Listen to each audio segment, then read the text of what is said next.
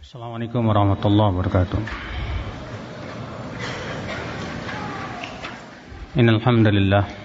Wa nasta'inuhu wa nastaghfiruh. Wa na'udzu billahi min shururi anfusina wa min sayyiati a'malina. Man yahdihillahu fala mudilla lahu wa man yudlil fala hadiya lahu. Wa asyhadu an la ilaha illallah wahdahu la syarika lahu واشهد ان محمدا عبده ورسوله قال الله تعالى في كتابه الكريم يا ايها الذين امنوا اتقوا الله حق تقاته ولا تموتن الا وانتم مسلمون اما بعد Kita lanjutkan kajian kita Insyaallah kita kajian sekitar 20 menit kemudian tanya jawab yang mau bertanya disiapkan saja dalam bentuk tulisan. Hadis 1528. Hadis yang dikeluarkan oleh Imam Ahmad dalam Musnadnya. Beliau berkata haddatsana Yahya bin Yazid bin Abdul Malik dari ayahnya yaitu Yazid bin Abdul Malik. Dari Sa'id bin Abi Sa'id. Dari Abi Hurairah. Semoga Allah meridainya. Bahwa Nabi Shallallahu alaihi wasallam bersabda Akthiru min qawli la hawla wa la quwwata illa billah. Fa innaha kanzun min kunuzil jannah Perbanyaklah mengucapkan la haula wala quwata illa billah. Karena ia adalah merupakan salah satu kanzun. Kanzun itu harta karun, simpanan. Ya, dari simpanan-simpanan surga. Syekh Albani berkata, sanadnya dhaif. Karena Yahya bin Yazid dan ayahnya ini dua-duanya lemah. Akan tetapi hadis ini sahih karena ada jalan lain dan mempunyai penguat-penguat syahid. Imam Tirmidzi meriwayatkan dari jalan Makhul dari Abu Hurairah. Lalu kemudian At-Tirmidzi berkata sanadnya tidak bersambung karena Makhul tidak mendengar dari Abu Hurairah. Namun setidaknya jalan ini menguatkan. Adapun syawahid maka diriwayatkan dari hadis Abu Ayyub Al-Ansari dikeluarkan Imam Ahmad dan yang lainnya dan disahihkan oleh Ibnu Hibban. Dan juga diriwayatkan dari hadis Abdullah bin Umar. Demikian pula dikeluarkan dari hadis Ibnu Mas'ud. Ya dengan dan hadis tersebut kata beliau sahih dengan syawahidnya. Baik, hadis ini menunjukkan ya akhi itu anjuran untuk memperbanyak ucapan la haula wala quwata illa billah. Ini disebut dengan hauqalah. Apa maknanya? Artinya ya kita berlepas diri dari segala macam daya dan upaya kekuatan dari diri kita dan bahwasanya semua itu dengan izin dari Allah. Maka seakan-akan orang yang mengatakan la haula wala quwata illa billah artinya dia mengatakan bahwa kita tidak akan diberikan kekuatan dan tidak punya kekuatan kecuali dengan kekuatan dari Allah Subhanahu wa taala. Karena kekuatan, daya, upaya itu semuanya milik siapa? Allah Subhanahu wa taala. Kalau bukan karena Allah, yang memberikan kepada kita kekuatan, kita tidak akan mampu itu. Allah yang memberikan kepada kita berbagai macam kekuatan, baik kekuatan fisik maupun kekuatan jiwa, kekuatan iman, kekuatan takwa, ya kekuatan dalam kesehatan dan yang lainnya, milik Allah Subhanahu wa taala. Maka Allah yang memberikan kekuatan. Allah juga yang memiliki daya dan upaya. Makanya ketahuilah saudaraku ikhwatul Islam, ya kita tidak akan mungkin bisa sholat kalau bukan karena Allah yang memberikan kepada kita apa? kekuatan. Ya makanya ketika muadzin mengucapkan hayya 'alas shalah, jawabannya apa? La haula wala quwata illa billah. Kenapa? Karena Seakan-akan kita berkata bahwa aku tidak mungkin mampu untuk sholat kecuali dengan kekuatan dari Allah. Yang memberikan kepada kita kekuatan sehingga kita bisa pergi ke masjid. Yang bisa memberikan kepada kita kekuatan untuk khusyuk, tumak nina dan yang lainnya ya Allah subhanahu wa ta'ala. Ada orang bisa pergi ke masjid tapi tidak diberikan kekuatan untuk khusyuk. Sehingga akhirnya sholatnya apa? ya mikir ke mana ke sana kemari nggak khusyuk pak. Ada orang masya Allah dia sholat tapi ternyata tidak diberikan oleh Allah kekuatan untuk tumak nina makanya sholatnya cepat banget. Maka dari itulah saudaraku ya ucapan ini sangat penting sekali. Kita serahkan semuanya kepada Allah. Dan kita meyakini bahwa semuanya itu dari Allah Subhanahu wa taala kalau bukan karena Allah yang memberikan kepada kita kekuatan, kita tidak akan mampu itu. Makanya ucapan ini, akhi, ya, kalau kita pahami, kita ya betul-betul selami, maka akan menghilangkan sifat apa? Ujub dari diri kita. Orang yang ujub dengan amalan soleh, dia seakan-akan mengungkit kehebatannya kepada Allah Subhanahu wa taala. Saya bisa sholat tahajud nih, saya bisa puasa sunnah, saya bisa ngapalin Quran, saya bisa ini dan itu. Lalu kemudian dia merasa bangga dirinya dengan kelebihan-kelebihan amal ibadah tersebut. Lupa kalau Allah yang memberikan kepada dia apa? Kekuatan. Iya. Allah berfirman, "Yamunnuna 'alaika an aslamu." Qul la tamunnu alayya islamakum. Balillahu yamunnu alaikum an hadakum lil iman. Mereka mengungkit-ungkit kepadamu hai Muhammad kenikmatan ya dengan mereka masuk Islam. Katakan kepada mereka kata Allah, jangan kalian mengungkit-ungkit keislaman kalian kepadaku. Akan tetapi Allah lah yang berhak untuk mengungkit nikmatnya karena dia Allah yang telah memberikan kalian hidayah untuk masuk Islam. Ya. Yang memberikan kekuatan masuk Islam ya Allah. Yang memberikan kekuatan kita untuk menuntut ilmu ya Allah.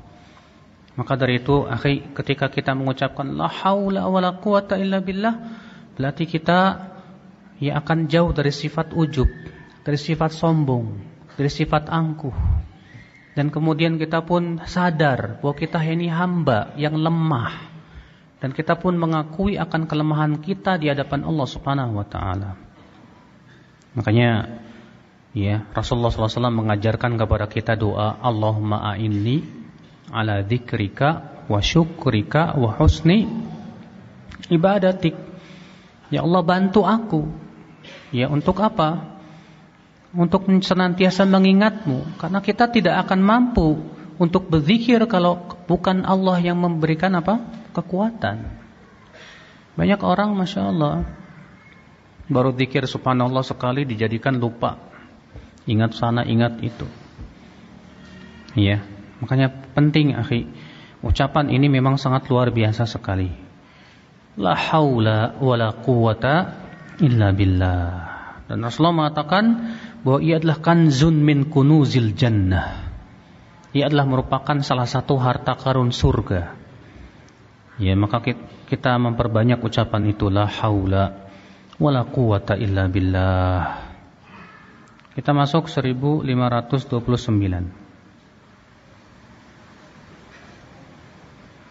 Hadis yang dikeluarkan Imam Al-Bazzar dan Ibnu Adi dalam Al-Kamil. Abu Nuaim dalam Akhbar Asbahan. Dari Daud bin Al-Muhabbir. Ia berkata haddatsana Abi Al-Muhabbir bin Qahdam dari ayahnya yaitu Qahdam bin Sulaiman dari Muawiyah bin Qurrah dari ayahnya secara marfu' Nabi bersabda la tumla annal ardu jawran wa zulman kelak bumi nanti akan dipenuhi oleh kezoliman dan kelaliman. Fa idza muliat jawran wa zulman apabila bumi telah dipenuhi oleh kezoliman dan kelaliman ba'athallahu rajulan minni ismuhu ismi. Maka Allah akan membangkitkan seorang laki-laki dari keturunanku. Namanya sama dengan namaku dalam satu ayat yang lain nama ayahnya sama dengan nama ayahku fayamla'uha qistan wa adlan lalu ia pun memenuhi bumi dengan keadilan kama muliat jauran wa dhulman sebagaimana sebelumnya bumi itu dipenuhi oleh apa? kezoliman. Ya. Al-Bazar berkata dikeluarkan Imam oleh oleh oleh Ma'mar dari Harun dari Muawiyah bin Qurrah dari Abu Siddiq dari Abu Sa'id. Demikian pula Daud dan ayahnya dan Daud dan ayahnya itu dhaif. Al-Haythami juga menyatakan dhaif. Ya.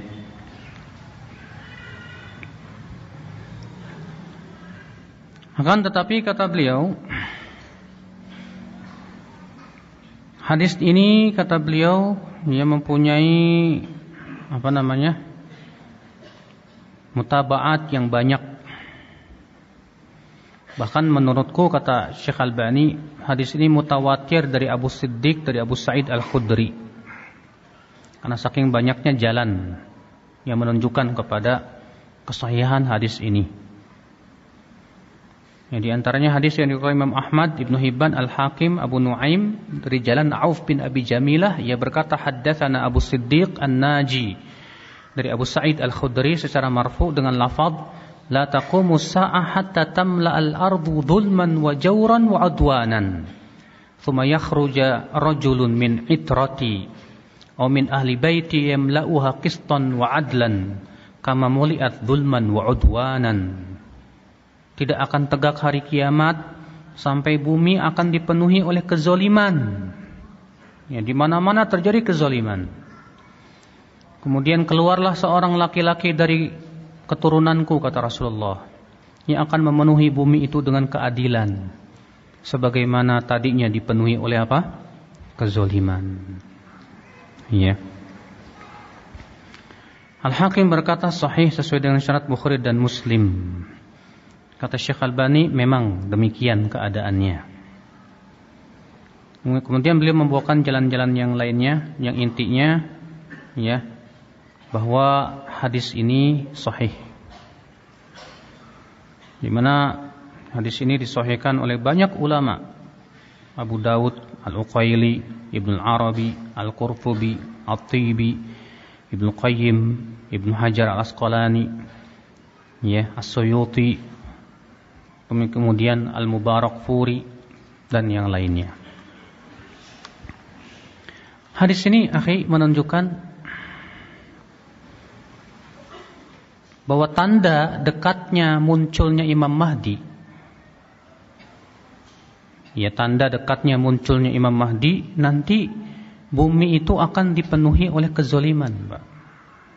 Di zaman sekarang aja kezoliman luar biasa Pak, di mana-mana ya kaum muslimin dizalimi. Ya memakan harta membunuh orang. Kezoliman di mana-mana. Dan itu akan terus meningkat terus meningkat. Sampai akhirnya bumi akan dipenuhi oleh apa? Kezoliman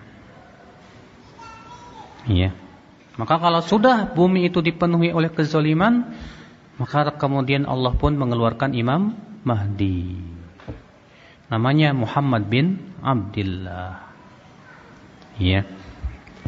Sebagian ulama mengatakan ia keturunan dari Al Hasan bin Ali bin Abi Thalib. Dan di antara tandanya juga Pak, bahwa nanti negara Saudi akan pecah jadi tiga.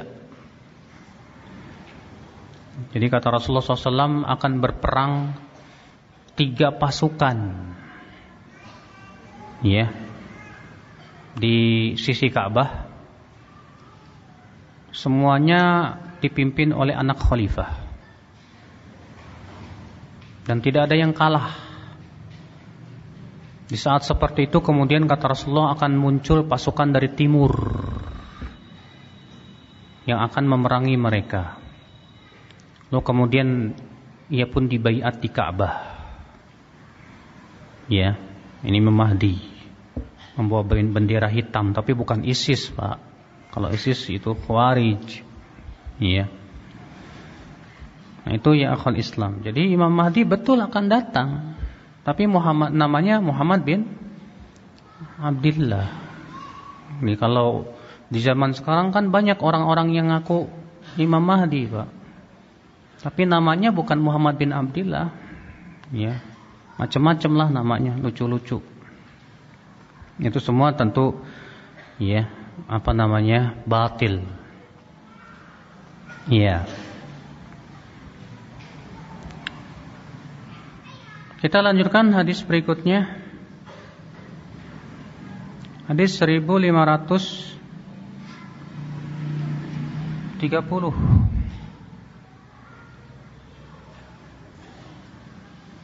Hadis yang dikeluarkan oleh Imam Ad-Dailami dari Muhammad bin Abdullah bin Salih Al-Marwazi ia berkata haddatsana Bakar bin Khaddash dari Fitr bin Khalifah dari Abu, Abu Tufail dari Abu Bakar As-Siddiq secara marfu'. Wa Nabi sallallahu alaihi wasallam bersabda aktsirus salata alaihi Perbanyaklah bersalawat kepadaku. Fa innallaha wakala bi malakan inda qabri. Karena sesungguhnya Allah menugaskan seorang malaikat berada di sisi kuburanku.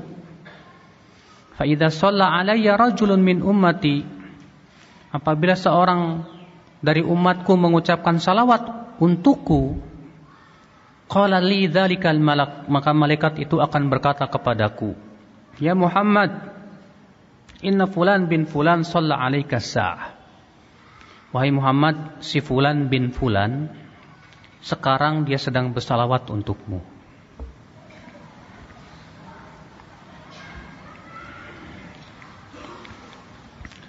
Syekh Albani berkata dalam sanadnya ada Bakar bin Khaddash ini. Disebutkan oleh Ibnu Abi Hatim tapi tidak disebutkan jarah tidak pula ta'dil. As-Sakhawi berkata dikeluarkan oleh Ad-Dailami dan dalam sanadnya ada kelemahan. Itu Muhammad bin Abdullah bin Saleh Al-Marwazi. Syekh Albani mengatakan aku tidak mengenalnya. Akan tetapi hadis ini mempunyai syahid penguat dari hadis Ammar bin Yasir ia berkata Rasulullah SAW bersabda, Inna lillahi malakan a'tahu asma'al khalaiq. Fahuwa qa'imun ala qabri. Idza mittu falaysa ahadun yusalli alayya salatan illa qala Ya Muhammad salla alayka fulan bin fulan. Qala fa yusalli Rabbu tabaraka wa ta'ala ala dhalik bikulli wahidatin ashra. Allah memiliki malaikat yang bisa mendengar ucapan seluruh makhluk. Dan ia berdiri di sisi kuburanku apabila aku telah meninggal dunia nanti. Tidak ada seorang pun yang bersalawat kepadaku kecuali malaikat itu akan berkata, Hai Muhammad, si Fulan bin Fulan bersalawat kepadamu. Lalu Allah pun bersalawat untuk si Fulan tersebut setiap kali satu kali solawat Allah bersolawat untuknya sepuluh kali. Masya Allah. Diriwayatkan oleh Abu Syekh Ibnu Hibban, Abu Qasim At-Taimi, Al-Harith dalam musnadnya Ibnu Abi Asim At-Tabrani, Ibnu Jarrah, Abu Ali Al-Hasan bin Nasr At-Tusi, Al-Bazzar. Ya. Namun di dalam sanadnya ada Nuaim bin Damdam dan di dalamnya juga terdapat perselisihan dari Imran bin Al-Himyari. Al-Mundhiri berkata tidak dikenal. Syekh Al-Bani berkata dia dikenal. Ia dianggap lemah oleh Imam Bukhari. Dan Ibnu Hibban menyebutkannya sebagai tabi'in yang fiqat. Ya. Dan kata beliau hadis ini dengan syahid ini hasan insyaallah. Di sini menunjukkan akhi yang pertama anjuran untuk memperbanyak apa? Salawat.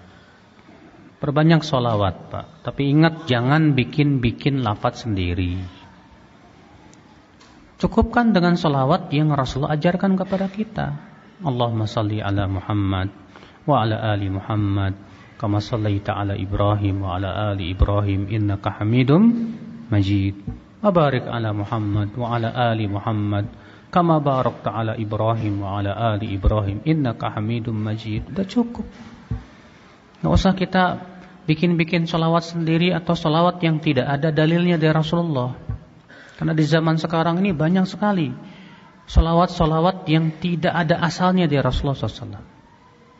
Solawat apa tuh? Hah? Solawat apa? Nariyah. Itu kan bukan sama sekali bukan dari Nabi, bukan. Itu buatan orang belakangan, Pak. Salawat apa lagi? Badriyah. Salawat apa lagi? Banyak, ya. Itu dibuat-buat oleh orang-orang belakangan.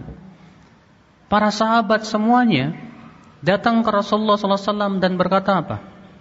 Ya Rasulullah, qad arafna salam alaik kami sudah mengetahui ya Rasulullah bagaimana mengucapkan salam kepadamu.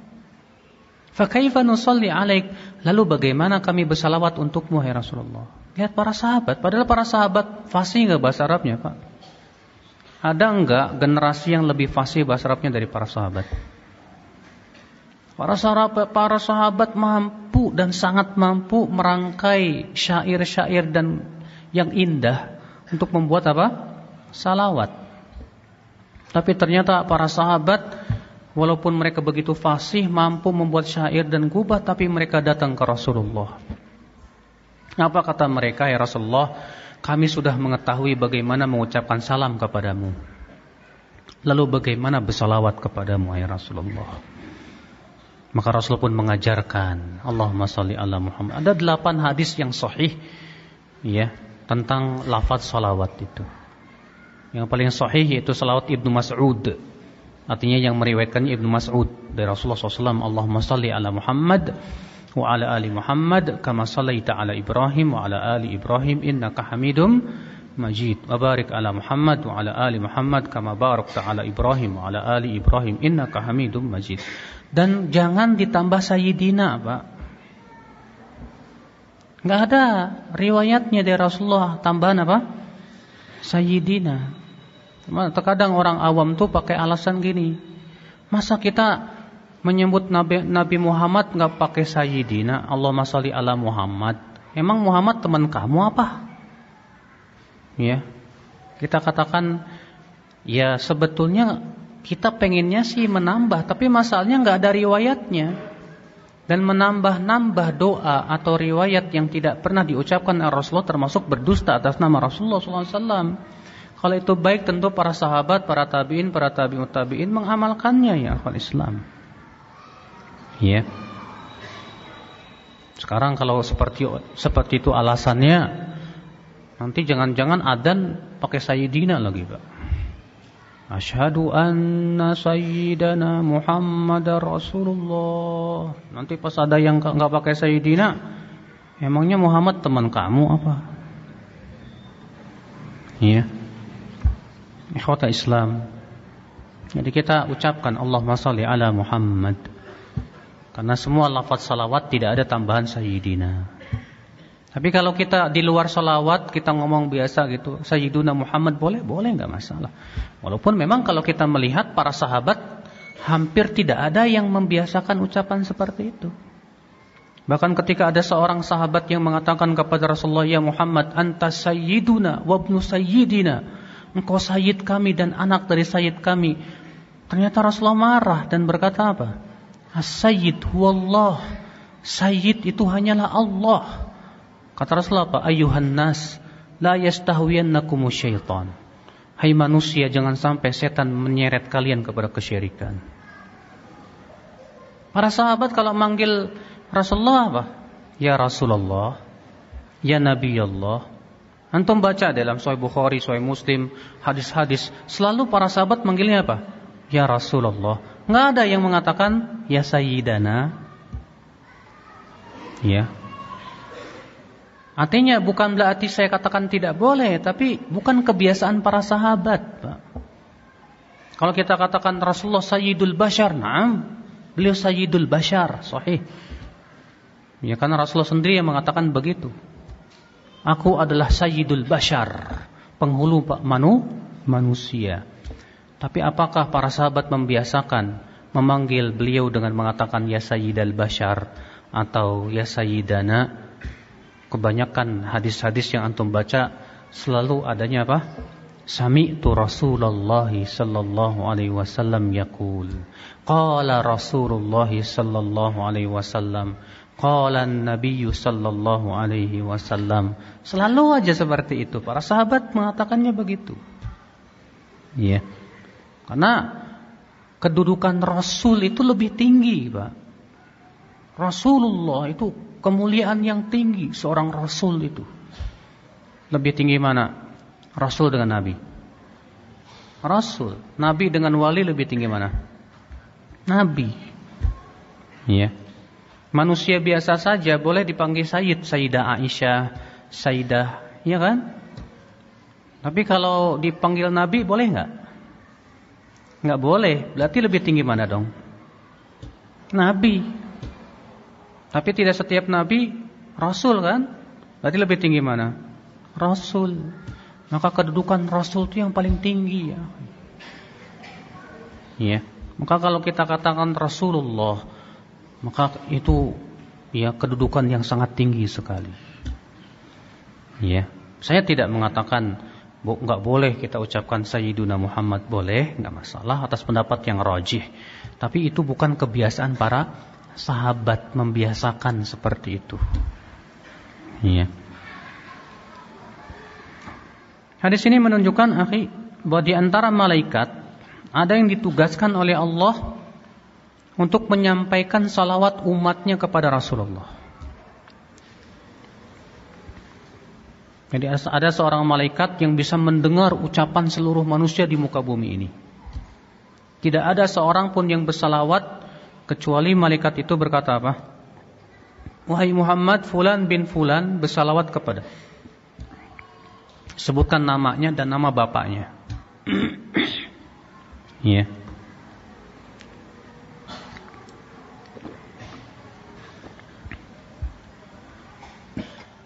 Hadis ini juga menunjukkan keutamaan orang yang bersalawat untuk Rasulullah sallallahu alaihi wasallam. Bahwa siapa yang bersalawat untuk Rasulullah sekali, maka Allah akan bersalawat untuknya berapa? Sepuluh kali, masya Allah. Makanya perbanyak salawat, akhi. Ya, memperbanyak salawat di hari Jumat, di malam Jumat, dan di hari-hari kita ada seorang sahabat berkata, bagaimana ya Rasulullah kalau aku jadikan doaku seluruhnya untuk salawat untukmu ya Rasulullah. Apa kata Rasulullah? Idan yukfar dzambuka wa tukfahammuka. Kalau begitu dosamu akan diampuni dan keinginanmu akan dipenuhi. Masya Allah. Iya. Tapi ya akal Islam kita buka tanya jawab. Ada yang mau nanya?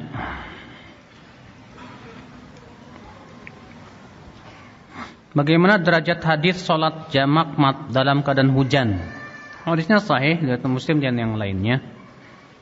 Wa Nabi sallallahu alaihi wasallam pernah ketika hujan menjamak dua solat. Tapi kata Imam Nawawi itu tidak dilakukan oleh Nabi sallallahu alaihi wasallam secara rutin tiap hari. Sekali-kali saja, Pak. Ya. Sekali-kali saja.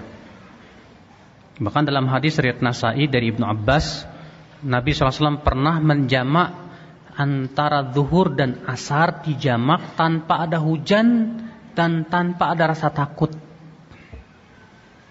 Ketika ditanya kepada Ibnu Abbas apa? Li alla yuharrij ummatahu supaya tidak menyusahkan umatnya.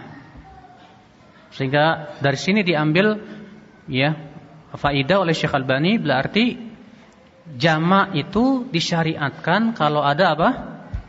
kesulitan, kerepotan, kesusahan. Ya. Makanya jamak itu bukan kekhususan musafir, Pak. Orang yang tidak safar, yang mukim pun boleh menjamak dua sholat kalau dia memang membutuhkannya.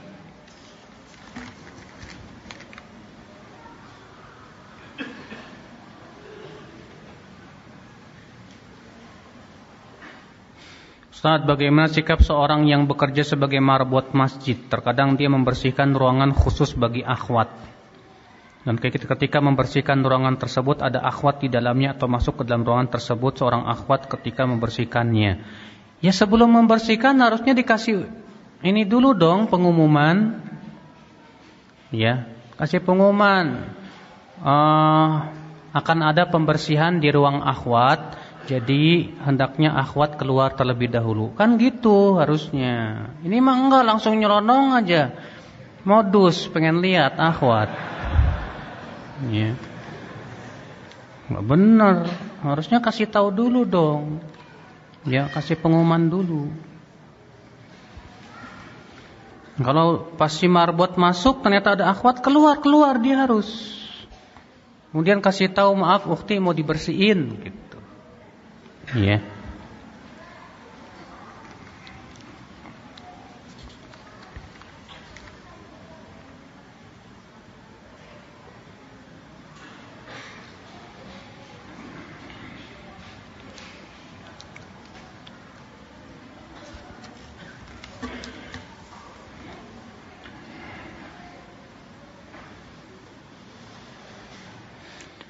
Apa yang harus dilakukan saat bayi lahir di dunia? Karena saya dengar ya tidak diazankan.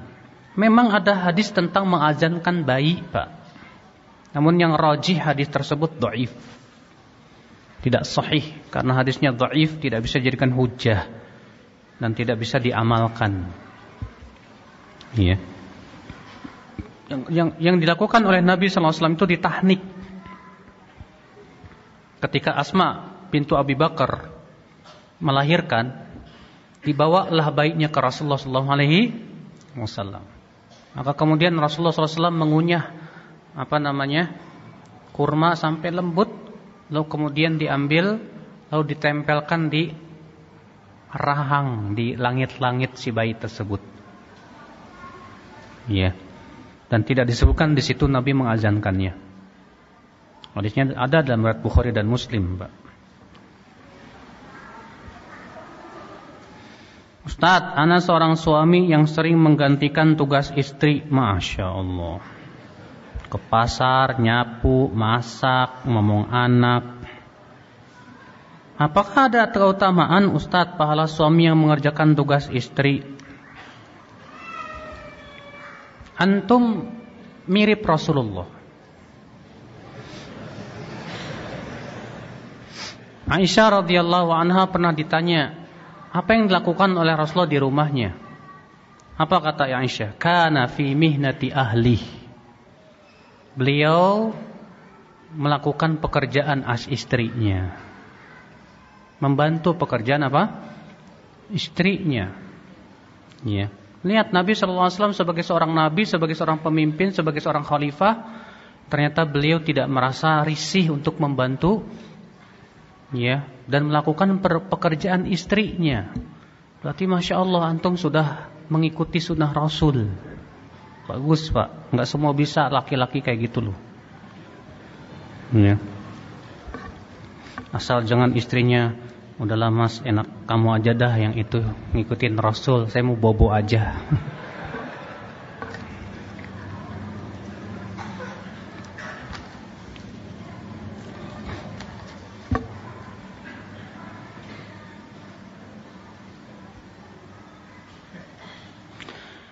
Ketika saya sholat, terkadang saya bangun dan menggenggam tangan dan terkadang membukanya. Ya, kalau mau genggam silahkan, mau dibuka nggak masalah, karena semua ada contohnya. Iya. Dan ketika tasyahud terkadang saya gerakan jari dan terkadang juga enggak. Ya juga enggak masalah. Dua-duanya ada riwayatnya silahkan. Itu bukan perkara yang mempengaruhi keabsahan sholat, Pak. Ya. Tulisannya susah banget ya.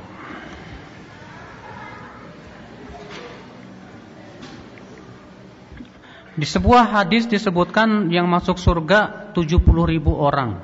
Waduh. Maksudnya 70 ribu orang itu yang masuk surga tanpa hisab dan adab. Karena yang masuk surga itu kan ada tiga tingkatan. Tingkatan yang pertama masuk surga tanpa hisab dan adab. Masuk surga sudah. Ini yang paling tinggi ini Pak. Tingkatan yang kedua masuk surga dengan dihisap tapi tidak diadab. Dihisap dia tapi dengan hisap yang ringan. Lalu Allah maafkan lalu ia masukkan ke surga.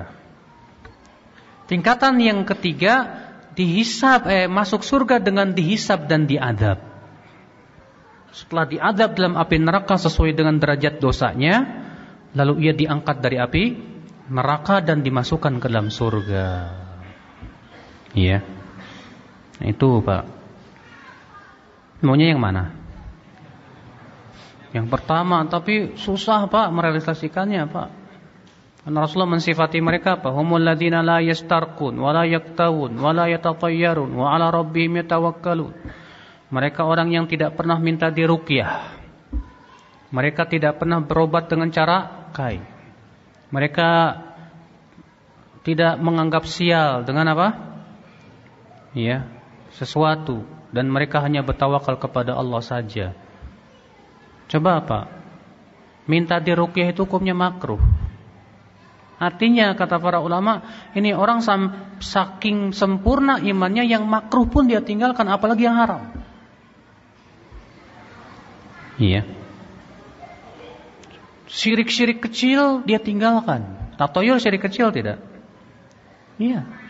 Sementara kita kan Susah banget ya untuk lepas dari syirik kecil ini ya. Ya dari dari yang namanya ria, ujub, wah berat kayaknya pak.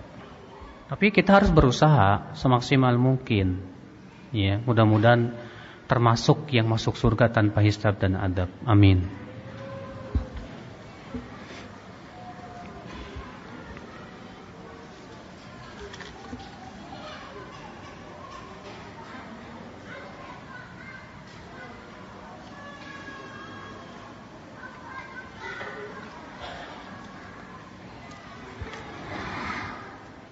Apakah umur umat Islam tidak lebih dari 1500 tahun? Enggak ada hadisnya, Pak. Dr. Al-Hasan eh, Dr. Umar bin Hasan Al-Fallata dalam kitab beliau Al-Wadu' fil Hadis mengatakan seluruh hadis yang menyebutkan tentang batasan umur umat Islam semuanya palsu. Semuanya apa? Palsu.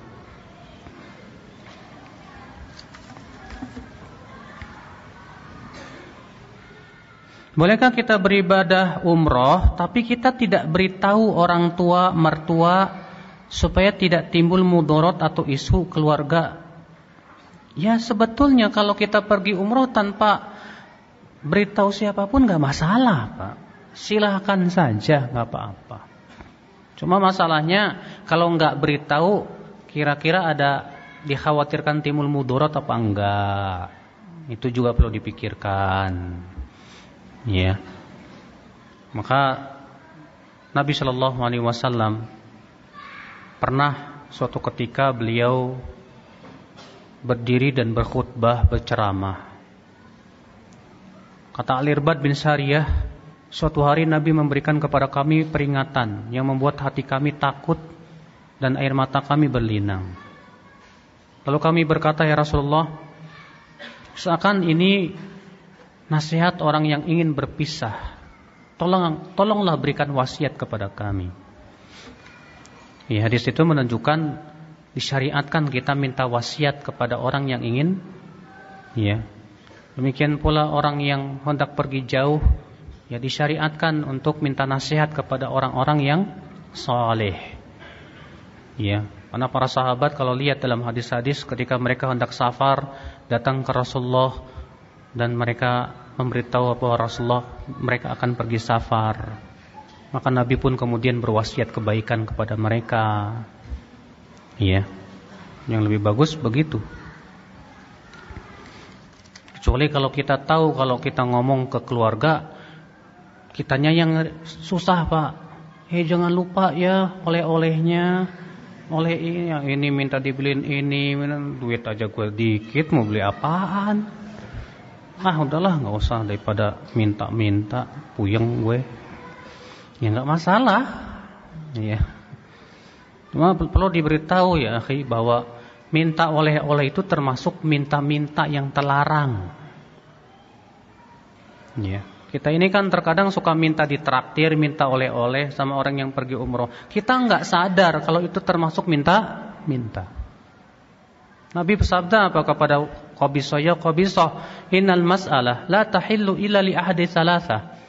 Hai Qabisoh, minta-minta itu nggak halal kecuali untuk salah satu dari tiga orang saja. Yang pertama orang yang menanggung kerugian dari mendamaikan dua kabilah yang berperang. Yang kedua, orang yang bangkrut sampai ludes hartanya.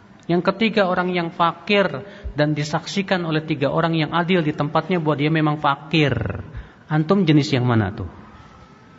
Kalau bukan itu berarti antum berbuat dosa itu.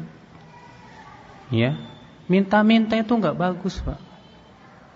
Traktir dong, ah minta-minta tuh ya bergajian ya traktir dong cuma bercanda kok ya bercanda yang benar dong. Bercanda itu dengan jangan berbuat apa? Melanggar syariat. Memang betul. Ya orang yang pergi safar disyariatkan dan disunahkan ketika ia pulang safar untuk apa? Sebagai rasa syukur ya untuk membagi-bagi sedikitlah yang Allah berikan kepada dia nikmat seperti Jabir bin Abdullah pulang dari safar, beliau menyembelih kambing, dibagi-bagi. Ya, kalau ada duit, kalau nggak ada duit ya udah. Gimana lagi?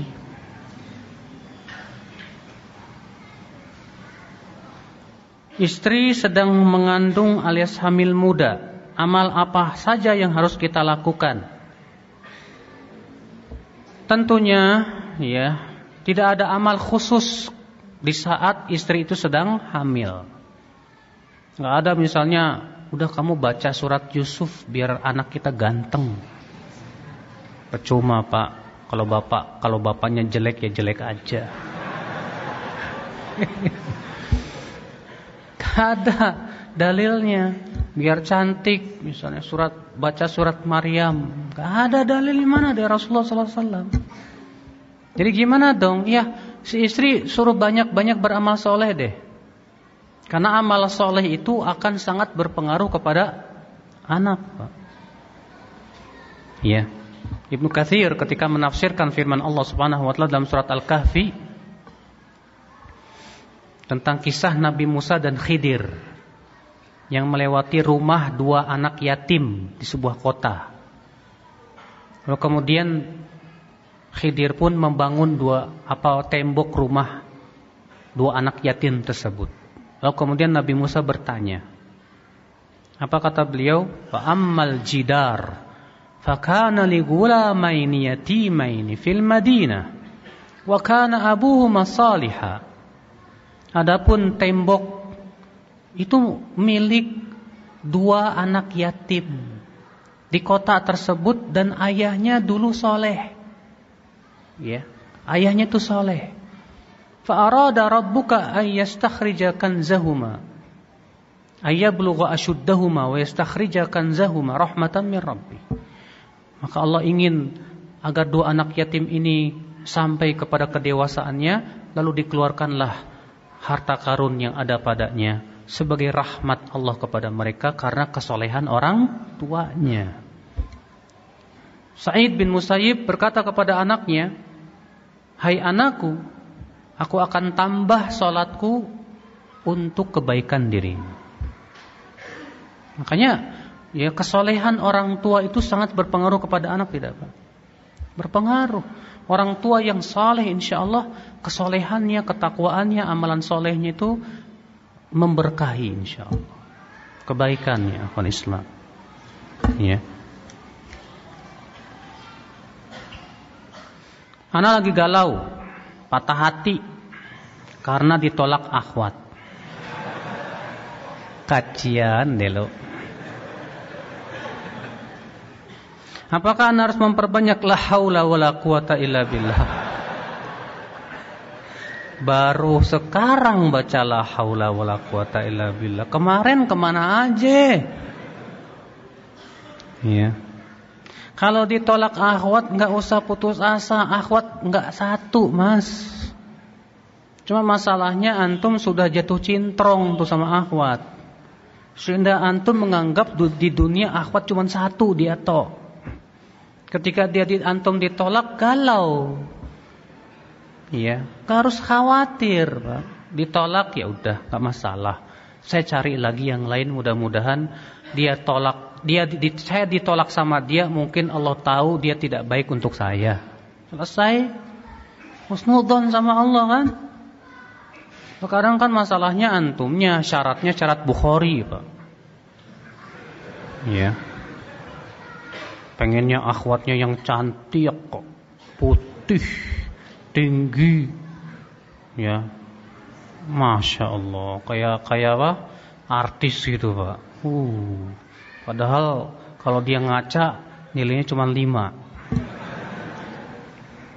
nah ini gara-gara terlalu tinggi ya pasang harga terlalu tinggi nggak dapat dapat akhirnya galau nah ini jadi kalau antum ditolak ya udah Ya, husnudon aja. Cari yang lain, usaha lagi, usaha lagi. Mungkin Allah ingin berikan yang terbaik buat kamu. Ya. Ditolak sama akhwat, ternyata Allah gantikan yang lebih bagus, lebih cantik, lebih Masya Allah. Alhamdulillah kan? Jadi ngapain harus galau? Ya.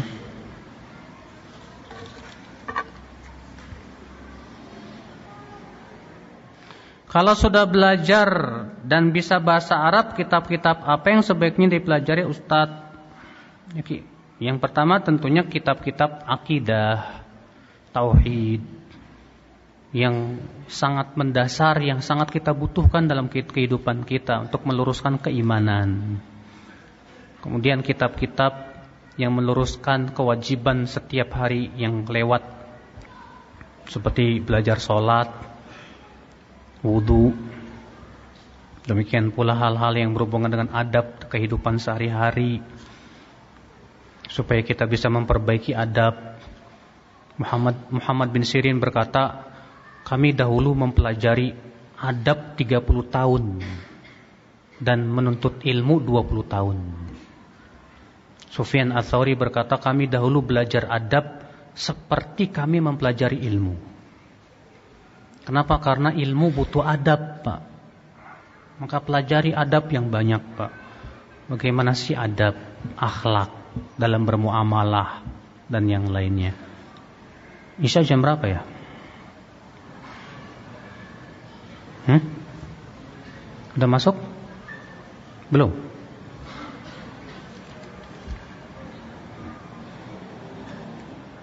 Apa ada dalilnya Toha dan Yasin nama Rasulullah? Saya belum dapat dalil yang sahih. Bahwa Toha, Yasin itu nama Rasulullah Sallallahu Alaihi Wasallam. Saya belum mendapatkannya hadis yang sahih tentang itu. Kenapa sih kalau umroh kepalanya dibotak? Rasulullah SAW mendoakan orang yang membotak tiga kali dan yang tidak membotak satu kali. Artinya botak itu tidak wajib. Kenapa harus botak? Yang nggak tahu, hanya Allah yang maha tahu hikmahnya apa. Ya. Kita itu Pak dalam melaksanakan perintah Allah tidak wajib dan tidak harus tahu hik hikmahnya apa. Contoh, kenapa sih sholat subuh dua rakaat, kenapa nggak lima rakaat aja? Itu bukan urusan kita, itu urusan pensyariat. Itu Allah Subhanahu Kenapa harus botak? Hanya Allah yang tahu. Iya. Apa hikmah di balik itu? Kewajiban kita ya udah jalankan aja. Kalau kita alhamdulillah tahu hikmahnya, alhamdulillah. Kalau kita enggak tahu hikmahnya, tetap kita apa? Jalankan kita sami'na wa ata'na. Wallahu a'lam. Subhanakallah bihamdik. Asyhadu an la ilaha illa ant astaghfiruka wa atubu ilaik. Assalamualaikum warahmatullahi wabarakatuh.